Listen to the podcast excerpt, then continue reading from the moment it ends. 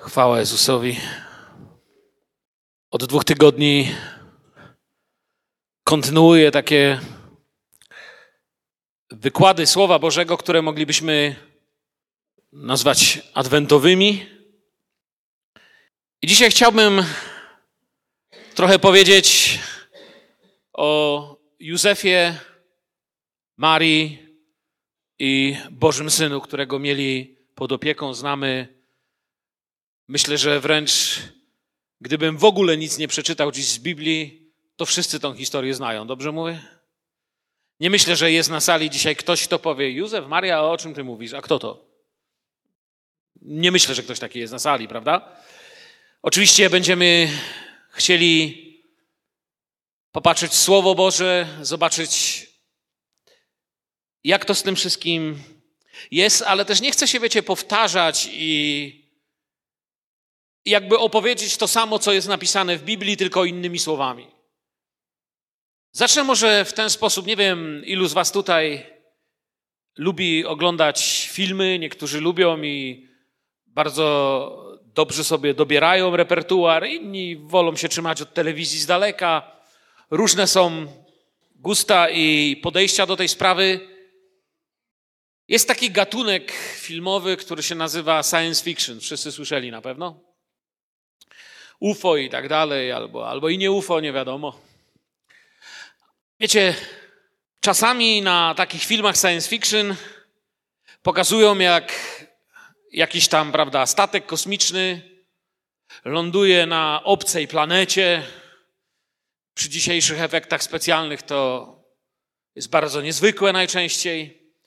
I kiedy ten kosmonauta, czy ten, który wysiada z tego statku, zaczyna chodzić po tej planecie, to wszystko na tej planecie próbuje go albo zjeść, albo zabić, albo zniszczyć. Tak jest najczęściej w tych filmach.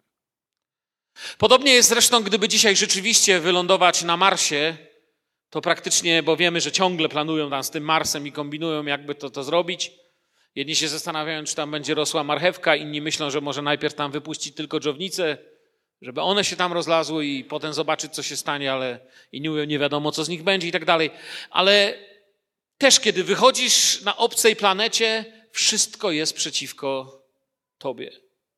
I chcę wam dzisiaj powiedzieć, że właśnie taka historia jest w Biblii. Nie ma co prawda statku kosmicznego, ale jest grota obudowana drzewem w Betlejem. Pojawia się przybysz, pojawia się człowiek z nieba, dar Boży dla ludzkości, Jezus Chrystus, Syn Boży, i wydaje się, że wszystko na tej planecie postanawia go zniszczyć. Wydaje się, że wszystko obraca się przeciwko niemu. Garstka pasterzy, mędrcy ze wschodu, aniołowie to jest ta przyjacielska część, ale cała reszta wszystko przeciwko. To jest prawdziwa historia, nie science fiction, o narodzeniu się kogoś, kto nie należał do tego świata, kto nie należał do tych królestw, kogoś, kto Piłatowi potem powie, że moje królestwo nie jest z tego świata, bo nie jest. Wiecie, ostatnio bardzo uważnie, wiedząc, że będę tutaj musiał mówić o tym, słuchałem sobie różnego rodzaju pieśni, tak zwanych świątecznych, adwentowych, czy jak wolicie je inaczej nazwać. Zacząłem się bardzo uważnie w nie wsłuchiwać. Puszczałem je i słuchałem, słuchałem. Niektórzy nawet moi znajomi się dziwili, ale bardzo uważnie sobie słuchałem, niektórą jeszcze raz. I ciekawy taki wniosek, jeden z pierwszych, które po, po, pomiędzy wszystkimi ciekawymi rzeczami, jakie tam zauważyłem, to ciekawe jest to, że te dawne pieśni adwentowe czy świąteczne mówią o pewnym wysiłku, cierpieniu, samotności Syna Bożego na obcym świecie. Potem, jakby im bliżej się zbliża naszych czasów, współczesności, przechodzą w taki folklor o Jezusku, o zwierzątkach, takie tralalala.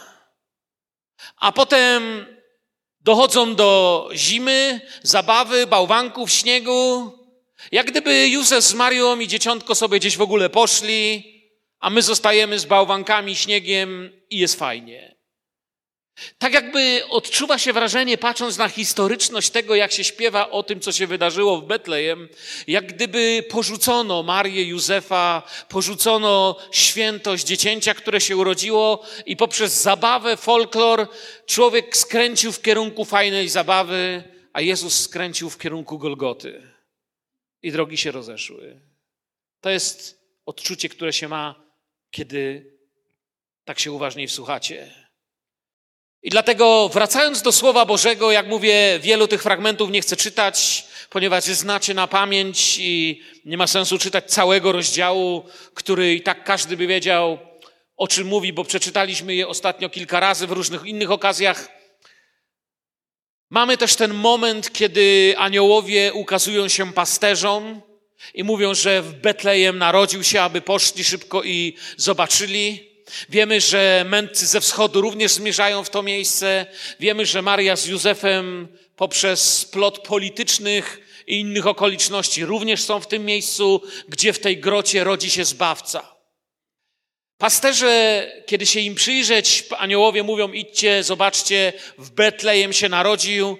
Ciekawa rzecz, jeśli chodzi o pasterzy, jest, to zwróćcie uwagę, że pasterze nie idą sprawdzić, nic nie pokazuje nam, aby tak było, nie idą sprawdzić, czy to jest prawda, co mówił anioł. Oni idą zobaczyć to, co mówił anioł. Czujecie różnicę? Trochę jest taka różnica jak z dzieckiem i z niedowiarkiem. Kiedy małemu dziecku powiesz, w domu na ciebie czeka coś dobrego, to ono nie musi sprawdzać. Ono wie, że jak tata tak mówi, to tak jest. To już jest fakt, który tam jest i ono idzie tylko zobaczyć, co to jest.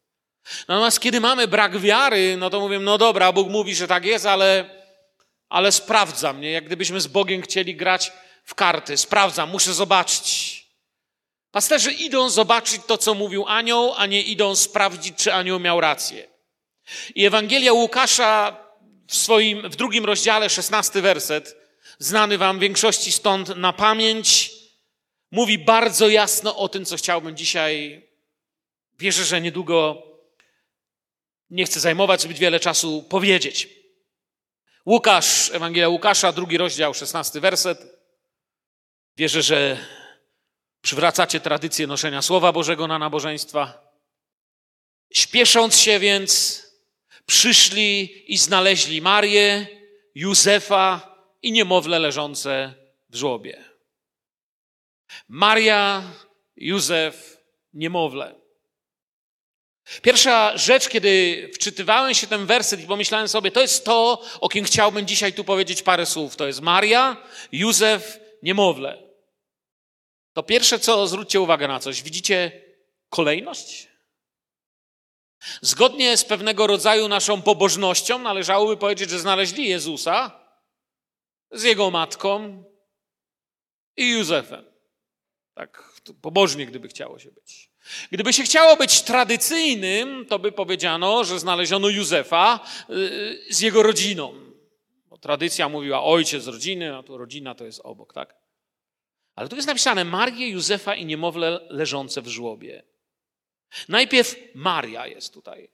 Potem jest Józef i potem jest to dziecię, tak jakby nawet ten werset chciał nam uczyć, że najpierw jest posłuszeństwo i oddanie, Potem jest pokora i wysiłek, a na koniec jest owoc, który niesie błogosławieństwo. Taka o kolejność, która czegoś uczy. Wiecie, nie mamy w Biblii zbyt wiele informacji o Bożej rodzinie. No bo wiem, że jesteście przekonani, że jeżeli już na to patrzymy, no to coś byśmy się chcieli więcej o nich dowiedzieć. O Józefie naprawdę niewiele potrafimy zebrać. O Marii też nie. Gdyby wyciągnąć wszystkie wersety o nich, no to wiele tego nie ma, prawda? Dużo więcej jest o innych postaciach. Trochę teraz odskoczę od Słowa Bożego do innych źródeł.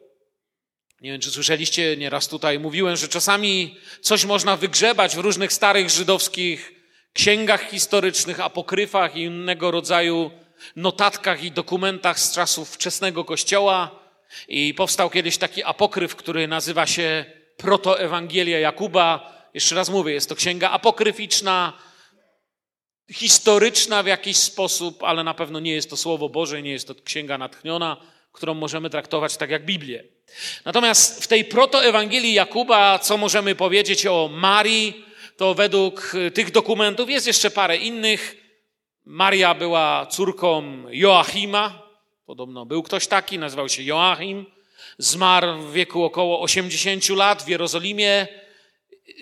Jego śmierć to jest jakieś 16 lat przed y, narodzeniem się Pana Jezusa w Betlejem.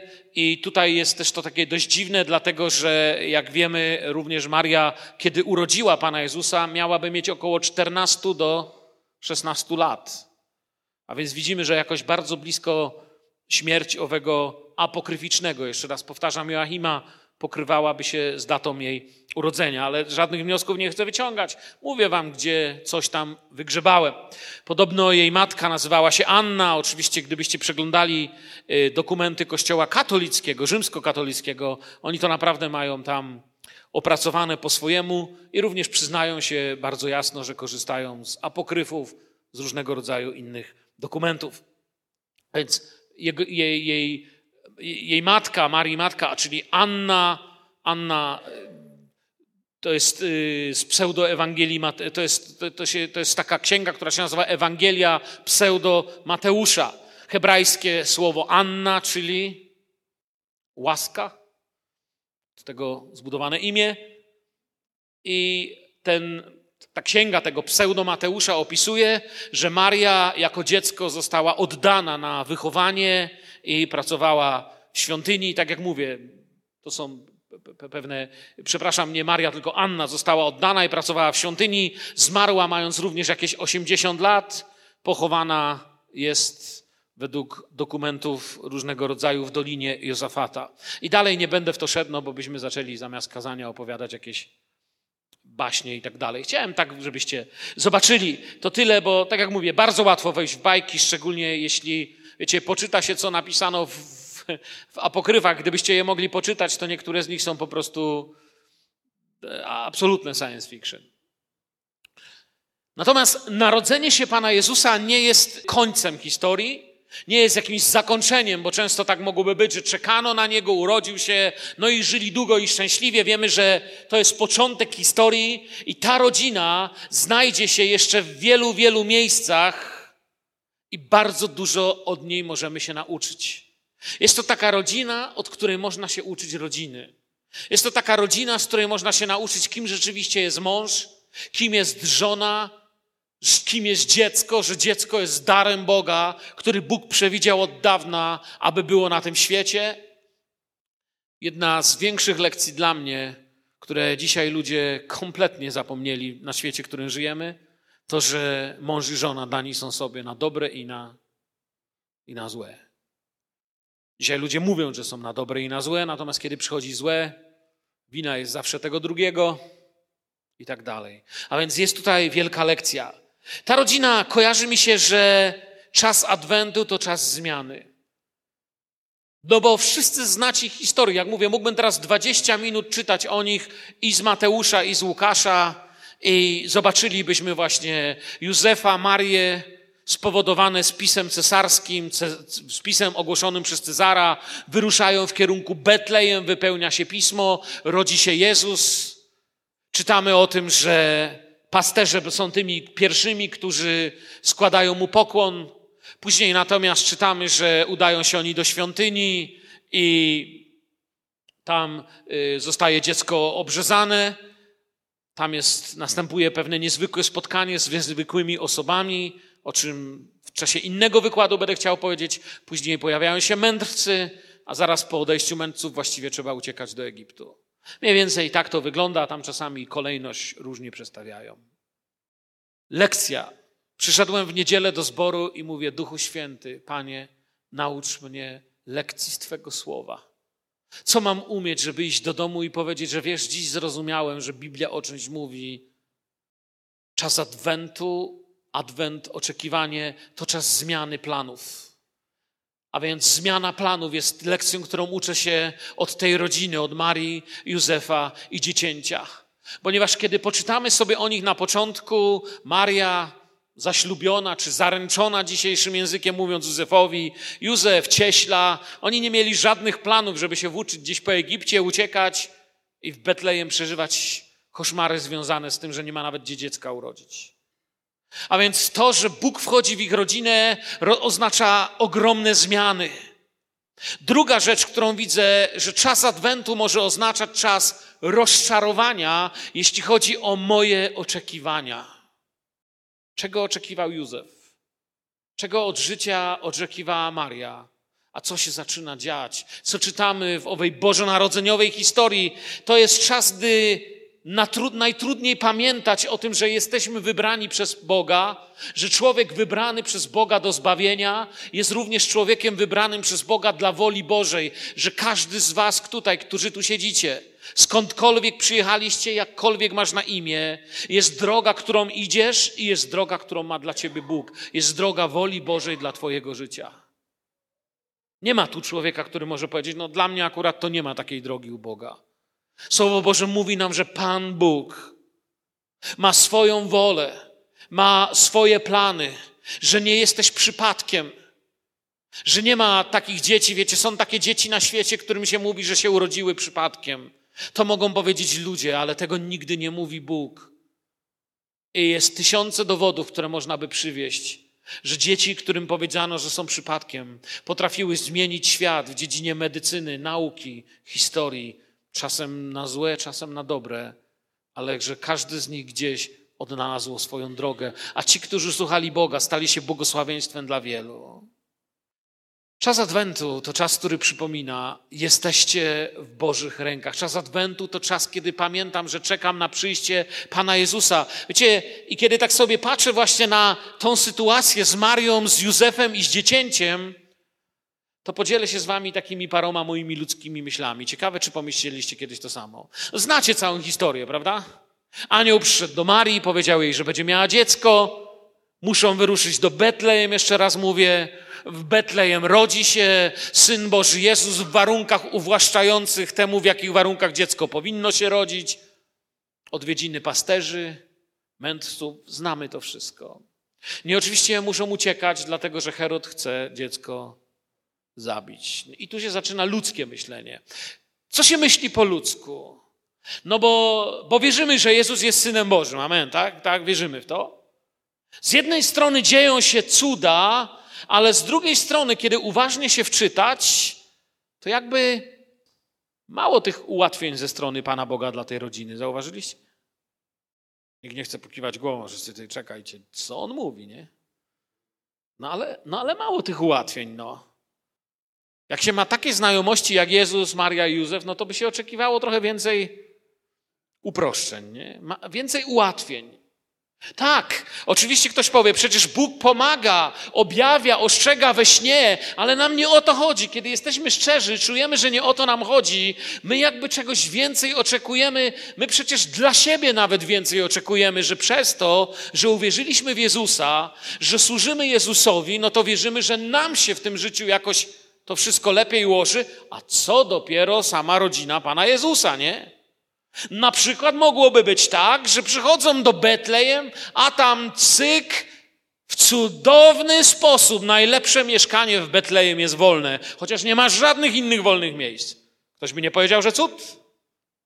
No cud i to, no ale wszak to Syn Boży, nie? No ale nie ma takiego cudu. To, co jest wolne, no to wiemy, gdzie się Jezus urodził, tak?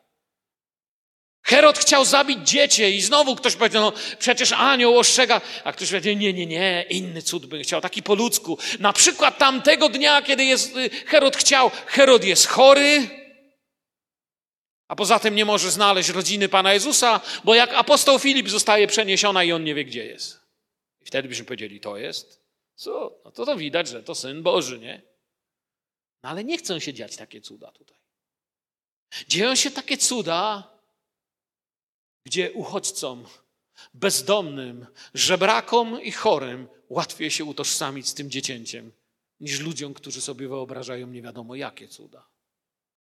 Czy nie życie pełne cudów obiecujemy sobie? Powiedziałem o przeniesieniu, no bo znamy z dziejów apostolskich, jaki problem dla Pana Boga człowieka wziąć w jednym miejsce, postawić w drugie, nie? Ale nie. Kobieta w ciąży My, panowie, sobie tylko możemy wyobrazić, bo w ogóle nie jesteśmy w stanie nigdy zrozumieć tego, co to znaczy nosić dziecko i urodzić. I nie próbujcie, bo się będą żony z was śmiać.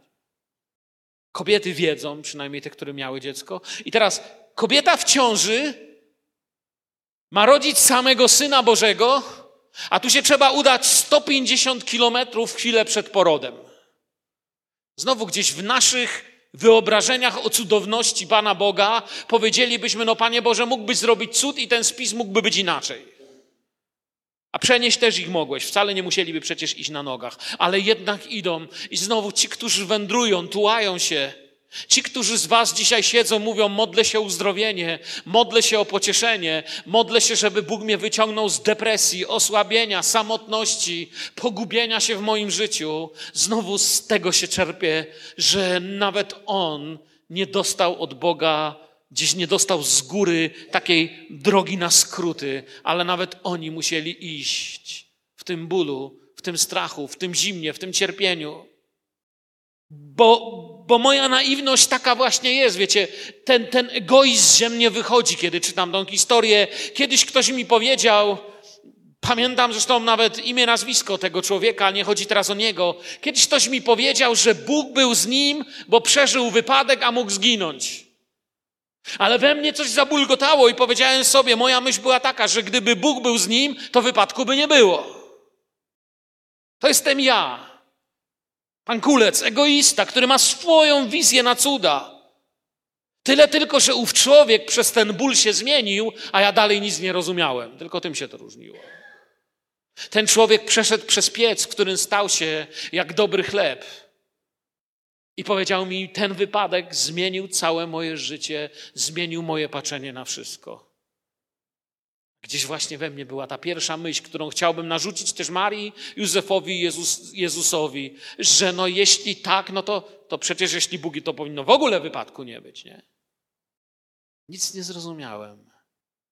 No bo dlaczego w tamtą noc, kiedy chciałoby się zaśpiewać, że cicha, piękna noc, kiedy chciałoby się zaśpiewać, że nareszcie mieszkają, urodziło się dzieciątko, doświadczają z nim wszystkiego fajnego, mijają kolejne wieczory, są obdarowani i nagle anioł mówi, by uciekać. Dlaczego anioł w cudowny sposób nie usunie przeciwników? Mógłby anioł, czy nie mógłby? Jaki problem dla anioła? Momentalnie moje myśli przechodzą na dziedziniec, gdzie stoi Piłat i Jezus.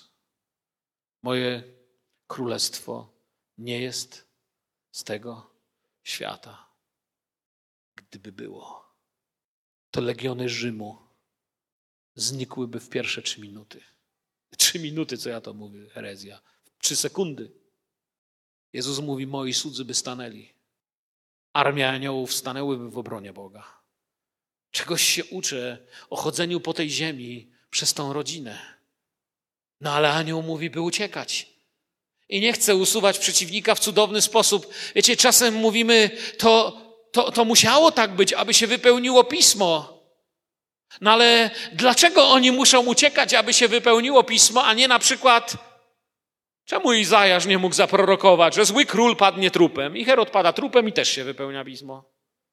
Widzicie, nasz ludzi, my lubimy, nawet w matematyce wprowadziliśmy skracanie, nie? Po swojemu. No ale nie. Herod ma się dobrze, jest bogaty, śpi w wygodnym łóżku, niczym się nie przejmuje, wydaje kolejne zbrodnicze rozkazy, a tu Józef i rodzina muszą uciekać. I znowu gdzieś powoli wyłania się lekcja, której chciałbym, byśmy się dziś nauczyli. Że on nie tylko wzgardzony był i opuszczony, jak mówi Izajasz, to co brat Jasio nam dziś tutaj czytał. Izajasa, całe to proroctwo tam, bo on czytał tylko część że tam nie tylko to jest, ale że Bóg mówi: Chcę, abyś wiedział to, co w liście do Hebrajczyków mamy, że utożsamiam się z Tobą we wszystkim. Ja to wszystko przeżyłem. Bo gdyby to wszystko było tak, jak ja powiedziałem, to kiedy to wszystko mówiłem, pamiętacie, co przed chwilą mówiłem, te różne cuda na skróty, które ja bym mówił, wiecie, co by było, gdyby tak się stało? Wtedy byśmy mieli do Pana Boga inny zarzut. Wtedy byśmy Panu Bogu powiedzieli tak, wiesz, u ciebie to się wszystko stało łatwo, bo ty Bogiem jesteś. Nie mów mi, jak mam żyć, bo ty nie masz pojęcia o życiu. Nie mów mi, co mam myśleć, bo tobie nigdy niczego nie brakło. Jak możesz mnie zrozumieć, gdy mi jest zimno, kiedy ci nie było zimno? Jak możesz mi powiedzieć, że mnie rozumiesz, że jestem głodny, kiedy ty nawet nie wiesz, co to jest głód? Jak możesz zrozumieć, że się boję, kiedy ty się nie bałeś, tak? List do Hebrajczyków objawia nam, że Jezus wszystko z wyjątkiem grzechu doświadczył, co ludzie tego świata. I my czasami tylko widzimy tego dorosłego Jezusa. Ale Jezus jest Jezusem, odkąd się urodził. My chcemy Panu Bogu powiedzieć, jak mają wyglądać cuda. A Pan Bóg mówi: Nie mówcie mi, jak tam miały wyglądać cuda. Usłyszcie moje przesłanie. Chcę być blisko Was. Poszukujcie mnie dalej. Módlcie się ponieważ będę blisko i poprowadzę was. I księga Izajasza mówi: Pójdziecie przez wody, nie zatoniecie, pójdziecie przez ogień, nie spłoniecie. I całe życie powtarzam, odkąd pierwszy raz to przeczytałem, nie jest to tam napisane dla poezji. Bóg nas nie uraczył poezją, chociaż poezja jest to piękna. Bóg nas uraczył prawdą. Mówi: Taka jest prawda. Przez ogień pójdziecie, ale nie spłoniecie. Przez wody pójdziecie, ale nie zaleją was. Dlatego, że pasterzem dobrym jest mój Pan. Prowadzi mnie na dobre pastwiska, czasem dziwną drogą. Dlatego, że mówi, choćbym nawet szedł dolinią cienia śmierci, zła się nie ulęknę. Jezus mówi, ja tą drogą chodziłem.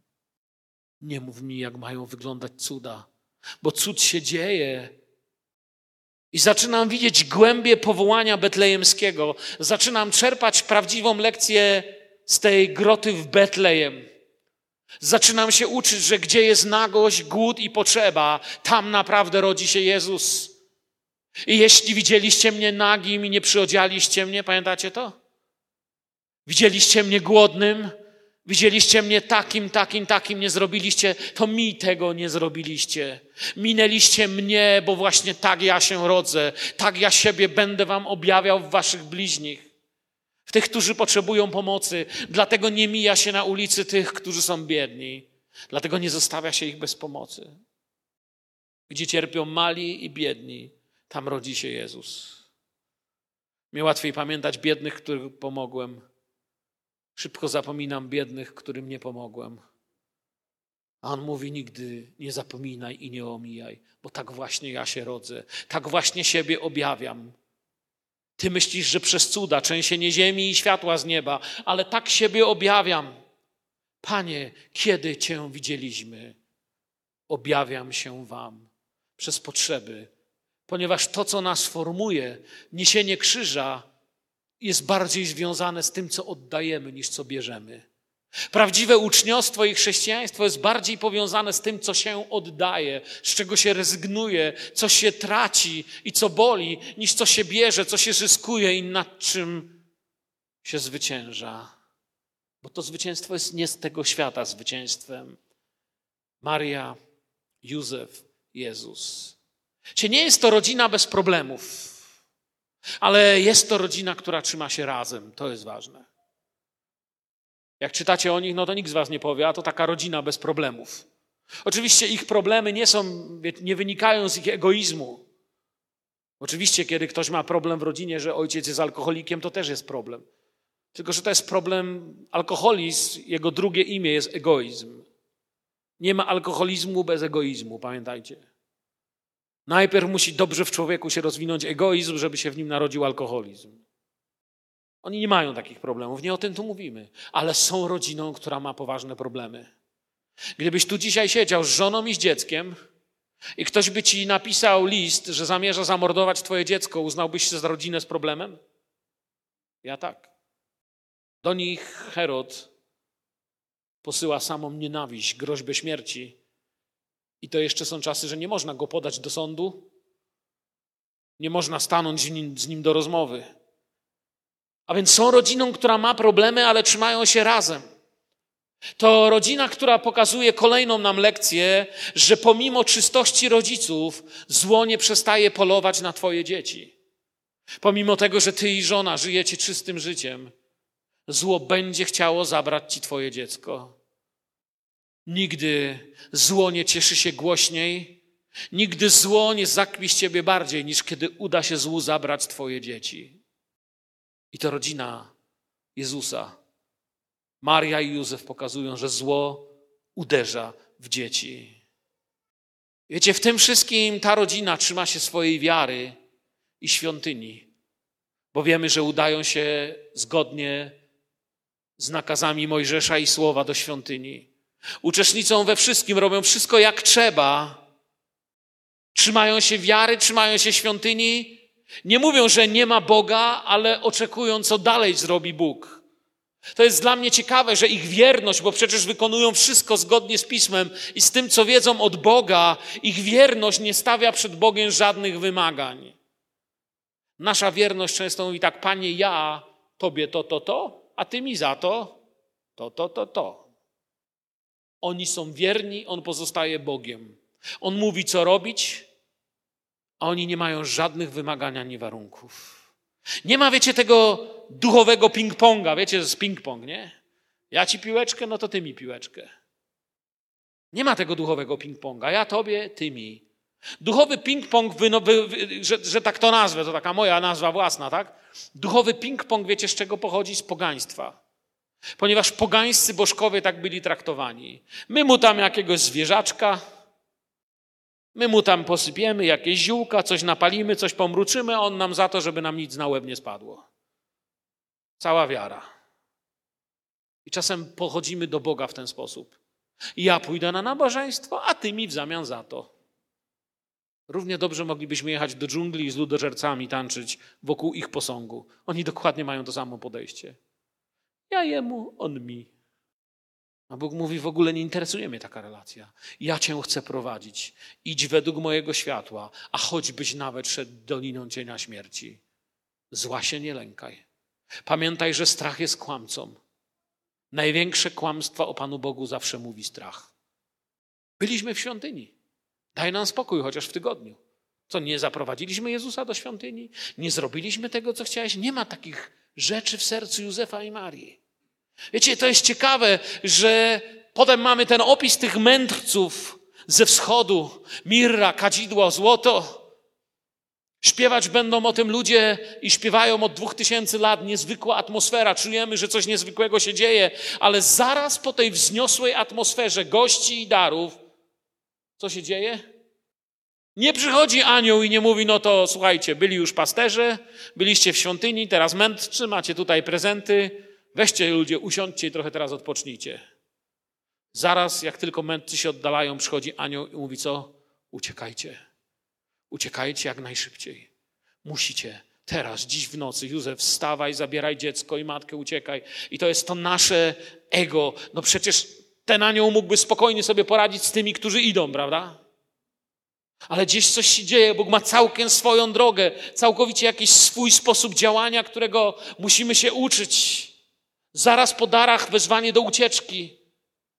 Takie uczucie, że ledwo goście wyszli, nie zdążyli jeszcze pozbierać po gościach, a tu trzeba uciekać. Jakby Herod nie daje tej rodzinie cieszyć się spokojem.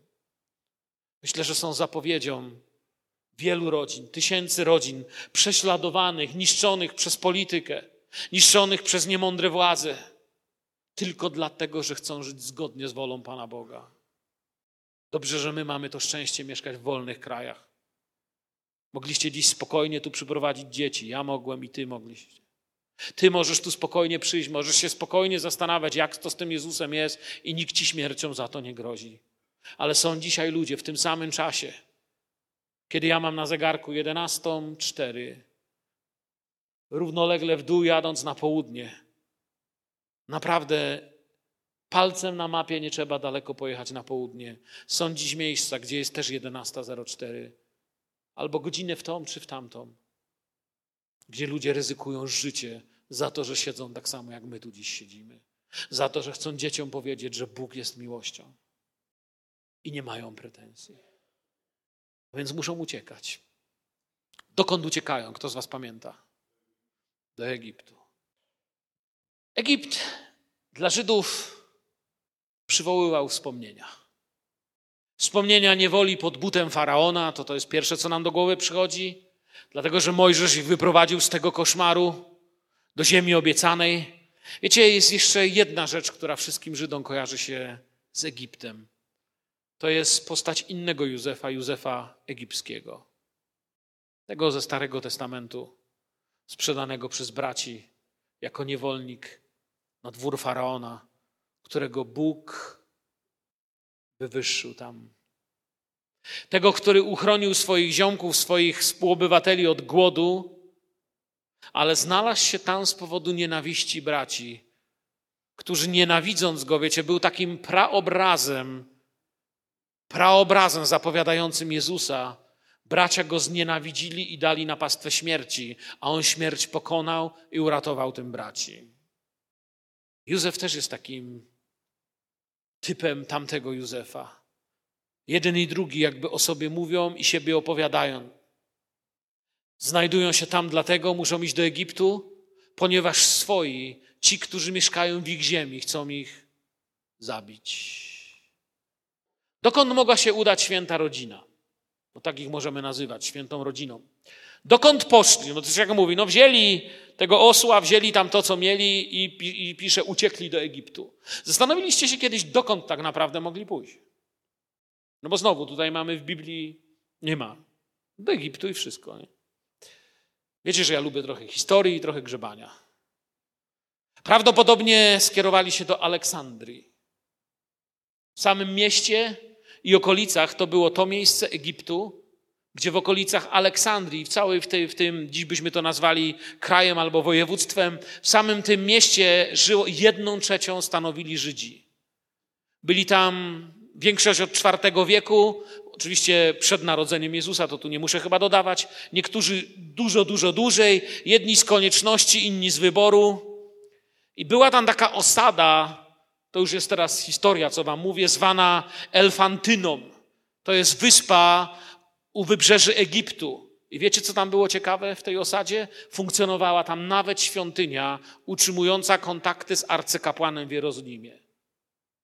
To właśnie tam, w Egipcie, grupa pobożnych Żydów dokonuje przekładu na język grecki ksiąg Starego Testamentu. Gdzieś w tych okolicach, bo tam Żydzi mogli się modlić, tam była wolność. Musiał się zatrzymać z rodziną Józef. Biblia nie mówi nam również, jaką drogą uciekali. Biblia nam nie mówi, którędy szli i jak to było. Możemy polegać tylko znowu na apokryfach i na źródłach wczesnego kościoła, a wczesny kościół bardzo się zastanawiał, jak to było, ponieważ głosili Ewangelię po całym tamtym rejonie i rozmyślali o tym, jak to było. Według PiS pierwszego kościoła i znowu tych apokryfów, które ja wam ostatnio nieszczęście aż dwa razy dzisiaj wspominam, ruszają z Betlejem drogą karawan. Musieli wyruszyć drogą karawan przez Aszkelon, Hebron, Gazę, aż na Półwysep Synajski. Ktoś powie, po co nam to mówisz? Zaraz wam powiem, po co wam to mówię. Po drodze jest tylko jedno miejsce, gdzie mogli się zatrzymać i bezpiecznie przenocować. To jest uzbrojona twierdza, garnizon wojskowy, mieście garnizonowe Peliuzum. Potem kierują się na owiane złą sławą, bardzo niebezpieczne tereny miasta Tel Basta. I tutaj opowieść z apokryfów znowu. Wybaczycie mi dziś tych apokryfów, ale co się pośmiejecie teraz. Jest jeden apokryf, który opowiada, że kiedy święta rodzina dochodzi do miasta Telbasta, Jezusowi małemu ukradli buty i okradli Józefa. Ja myślę, że to jest bzdura, ale. No, ale ludzie różne rzeczy piszą, nie? Nie myślę, że tak się stało. Stare legendy to są.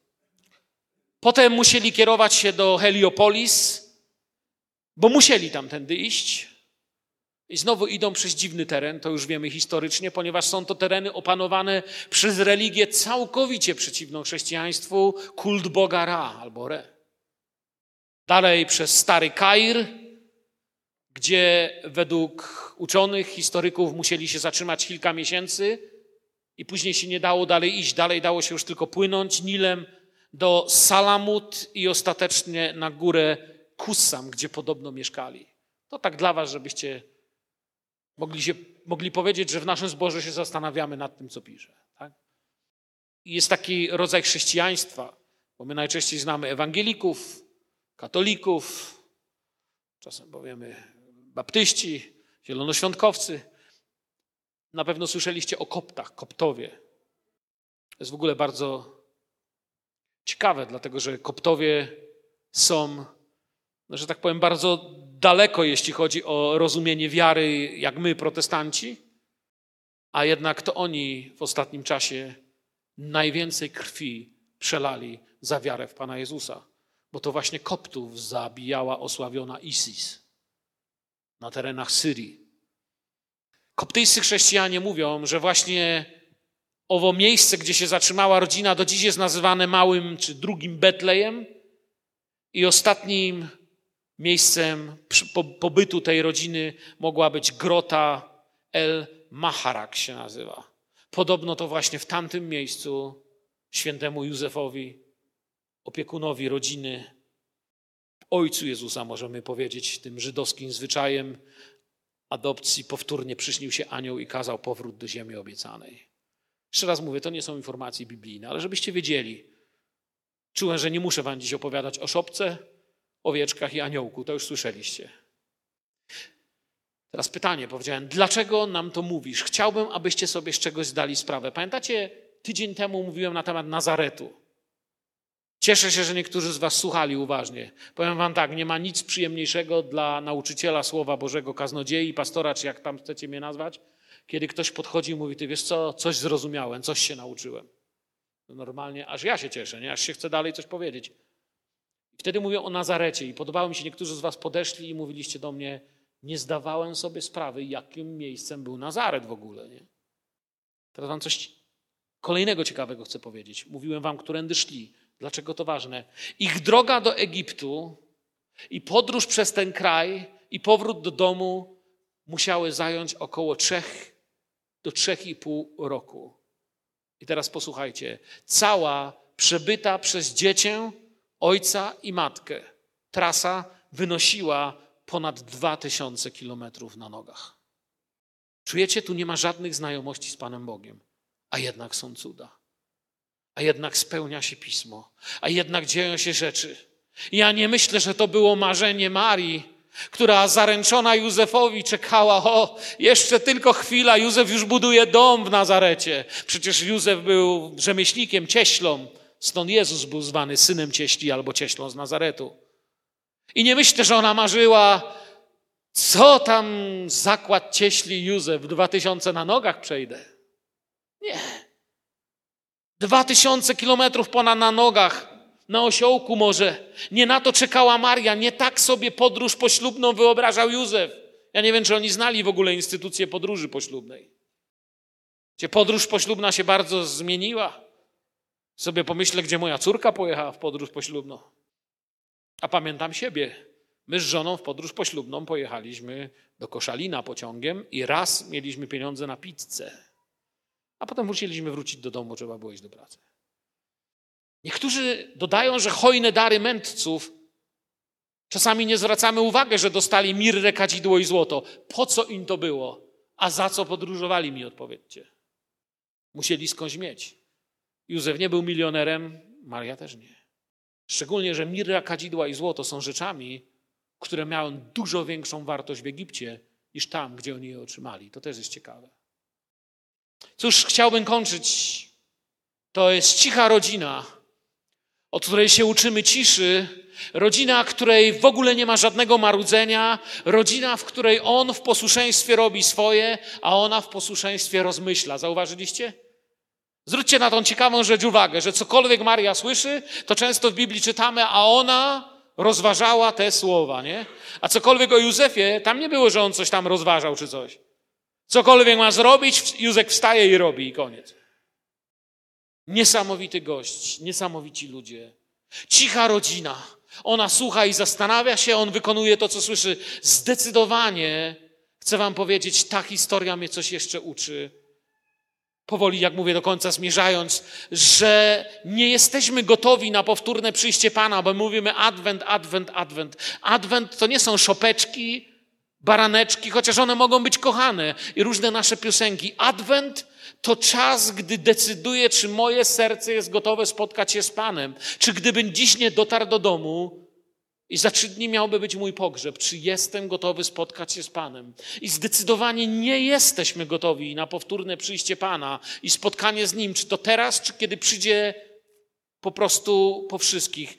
Jeśli nie zareagujemy właściwie na Jego pierwsze przyjście, jeśli we właściwy sposób nie rozważysz od Betlejem do Golgoty, to nigdy w prawdziwy sposób nie przygotujesz się na Królestwo Niebieskie, które ma nadejść. Nigdy Twoje chrześcijaństwo nie będzie rzeczywiste. Może być tradycyjne, ładne, poetyckie, dobrze zagrane, muzycznie, teologicznie.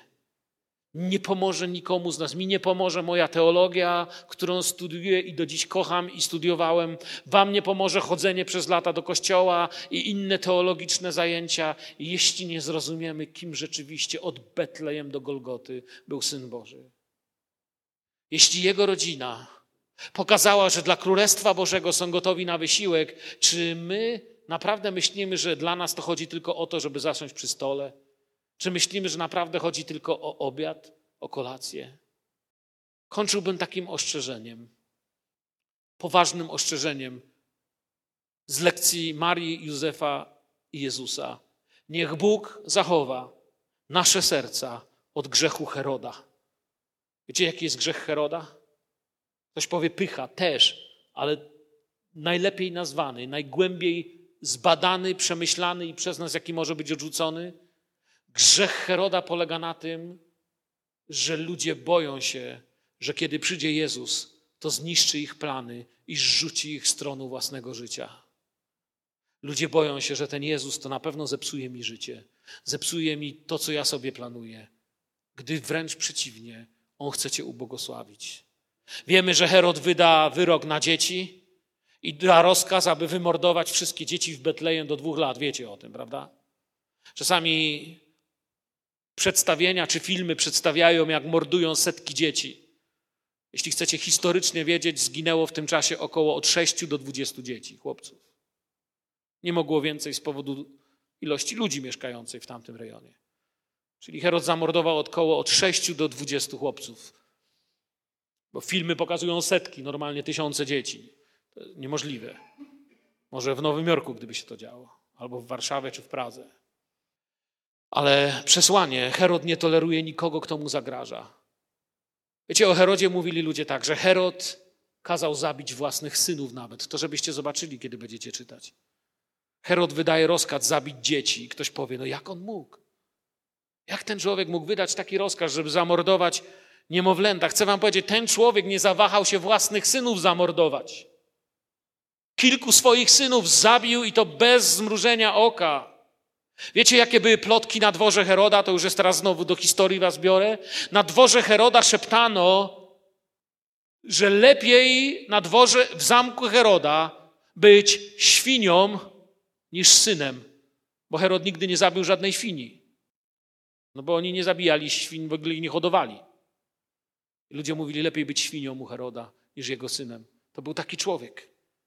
On naprawdę miał motyw i pragnienie uśmiercić króla żydowskiego, syna Bożego Jezusa, ponieważ on się bał o to, czym jest. On by zabił całą rodzinę. Nie przepuściły Marii, Józefowi, Jezusowi. Nie zostało im nic poza ucieczką. Dlatego, że jak mówię, my byśmy powiedzieli, jak to? Przecież mogli stanąć do otwartej wojny. Józef mógł stanąć, podnieść ręce i powiedzieć: Panie Boże Wszechmogący, proszę Cię o legiony aniołów. Problem, że to by było w tym samym duchu, co wołanie, jeżeli jesteś synem Bożym, to zejdź z krzyża. Nie. On ani nie zrezygnował z ubóstwa Betlejem, ani nie zrezygnował z hańby krzyża, ponieważ tak Bóg umiłował świat, że dał swojego syna, nie aby wygrały jego racje w tamtym czasie, ale aby na wieki wygrało życie, aby ten, kto w niego wierzy, nie zginął, ale miał życie wieczne. Bóg nie przyszedł walczyć z królestwami tego świata. I ani w Betlejem, ani na Golgocie legiony aniołów nie ruszą do zbrojnej walki, bo Jezus powiedział: Ojcze, wybacz im, bo on przyszedł z miłością, jest darem miłości. Nie bądźmy królami jak Herod, którzy trzymają swoje życie, bo się boją, że Bóg nam je zepsuje. Mogę sobie tylko wyobrazić Józefa i Marię, ile spojrzeń na nich było, jak szli po ulicach swoich miast jak musieli stawić czoła krewnym i bliskim, pogardę w oczach, ale karierę zrobiliście. Ty się naprawdę uwierzył, że to z Ducha Świętego, co? No to mądry jesteś. Wyobrażacie sobie komentarze ludzi? Ostatnie zdanie. Jaka jest największa lekcja tej historii? lepiej ufać Bogu i temu, co mówi, niż przejmować się tym, o co i jak oskarżają was ludzie w swoich plotkach. Pan wie, co byś zrobił i co chciałeś zrobić. Pan wie, co robisz. Ludzie tego nie zrozumią. Wstańmy i podziękujmy Bogu za objawienie o niezwykłej rodzinie. Jeśli wiem, że coś jest wolą Bożą, to powiedz Panu, chcę iść za Twoją wolą. Panie, wiem, że być może to, co we mnie dojrzewa. Wiecie, ja pamiętam, kiedy jako młody chłopak z moją żoną i jeszcze wcześniej, zanim ją poznałem, zacząłem marzyć, żeby być misjonarzem. Pamiętam, jak niektórzy ludzie stukali się w czoła. Byli tacy, co się śmiali i mówili, człowieku, ty chcesz do Rosji jechać? Potem, kiedy przemierzyłem tysiące kilometrów Syberii i Rosji, kiedy z moją kochaną żoną byliśmy tam misjonarzami przez tyle lat. Ja do dziś pamiętam dziewczynę, która podeszła i mówi: Ja pamiętam, jak się z was śmiałam. Ja przepraszam, ja nie wiedziałam, że Bóg was tak niesamowicie poprowadzi. Myśmy się wtedy nie przejmowali. Jak ja wam nieraz już tu mówiłem, powtarzałem szóstą klasę z rosyjskiego. Ruski to było ostatnie, co kochałem i lubiłem. Wtedy, jak się z ruskiego nie nauczyłeś, to nie było znaczenia, czy znasz matmę, czy historię. Z historii zawsze byłem taki, że wiecie, pan z historii, kiedy była ostatnia historia, mówi: Kulec, ty se idź do domu, ja cię tu nie chcę, bo ty mi będziesz przeszkadzał i będziesz się ciągle odzywał. I mnie puszczał. Mówi: Ja cię usprawiedliwiam, idź sobie na próbę zespołu albo do któregoś z kółek, ale nie, dzisiaj nie chcę, żebyś tu był. Ponieważ z historii praktycznie, no po prostu wiedziałem wszystko. Ale rosyjski to był mój koszmar, słuchajcie. A potem nagle Pan Bóg powołał mnie jako młodego człowieka, jako młode małżeństwo do Rosji. Ludzie się śmiali. Ja dziś dziękuję Bogu, że nie przejmowaliśmy się tym, z czego się ludzie śmieją, ale zaczęliśmy marzyć o tym, co ma dla nas Pan. Do tego chcę Was wzywać dzisiaj. Szopka nie zgasła i nie została rozebrana przez Heroda po świętach. Ale byli ludzie, co poszli za Bogiem i wiecie, kiedy wszystko zgasło? Kiedy On powiedział, wykonało się. Wtedy wszystko zgasło. A wiecie po co zgasło? Żeby się zaświecić na nowo i już nigdy nie będzie ciemno. Po to macie Jezusa, po to macie Adwent. Panie, dziękujemy Tobie za to, że mamy rodzinę, od której się możemy uczyć, że mamy naukę o bólu, cierpieniu, zimnie, strachu i głodzie, w którym wszystko można położyć u Twoich stóp. I Panie, rozpaczliwie wyznaję Ci dzisiaj, że moja religia jest taka komfortowa, że ja bym chciał tak wygodnie, Panie, ja Ci wyznaję, że chciałbym odnieść sukces jako człowiek całkowicie bez Twojego krzyża. Panie, wyznaję Ci, że mam pokuszenie, żeby mi było zawsze w życiu z górki. Ale dzisiaj chcę Ci powiedzieć, chcę być Twoim uczniem.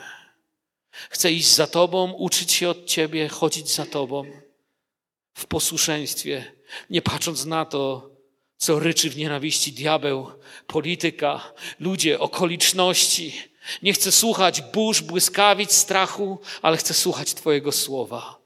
Tym z nas, którym w środku dziś mają serca, którym płoną, żeby pójść za Tobą, pomóż. Pomóż, Panie, z całą siłą. Dziękuję Ci, że Ty nawet ból i kłopoty potrafisz tak wykorzystać, że Twoja chwała lśni i nic nie zabierze zwycięstwa, które mamy w Tobie. Błogosławię dziś zgromadzony tu Kościół i ogłaszam nad nim zwycięstwo z krzyża Golgoty. Zwycięstwo Jezusa, który zmartwychwstał. Zwycięstwo ponad naszym zniechęceniem, osłabieniem, depresją, rozczarowaniem, bólem, zawodami, które nam sprawiają ludzie. Ogłaszamy zwycięstwo Jezusa. Ogłaszamy, że chcemy być uczniami Jezusa, który nigdy nie zawiódł. Jezusa wiele razy zawiedziono, ale On nigdy nie zawiódł. I dziękuję Tobie, że jesteś moim Bogiem, Królem i Panem. Wyznajemy Cię naszym Zbawicielem, Panem, któremu powierzamy nasze życie. Naucz nas powierzać to życie Tobie.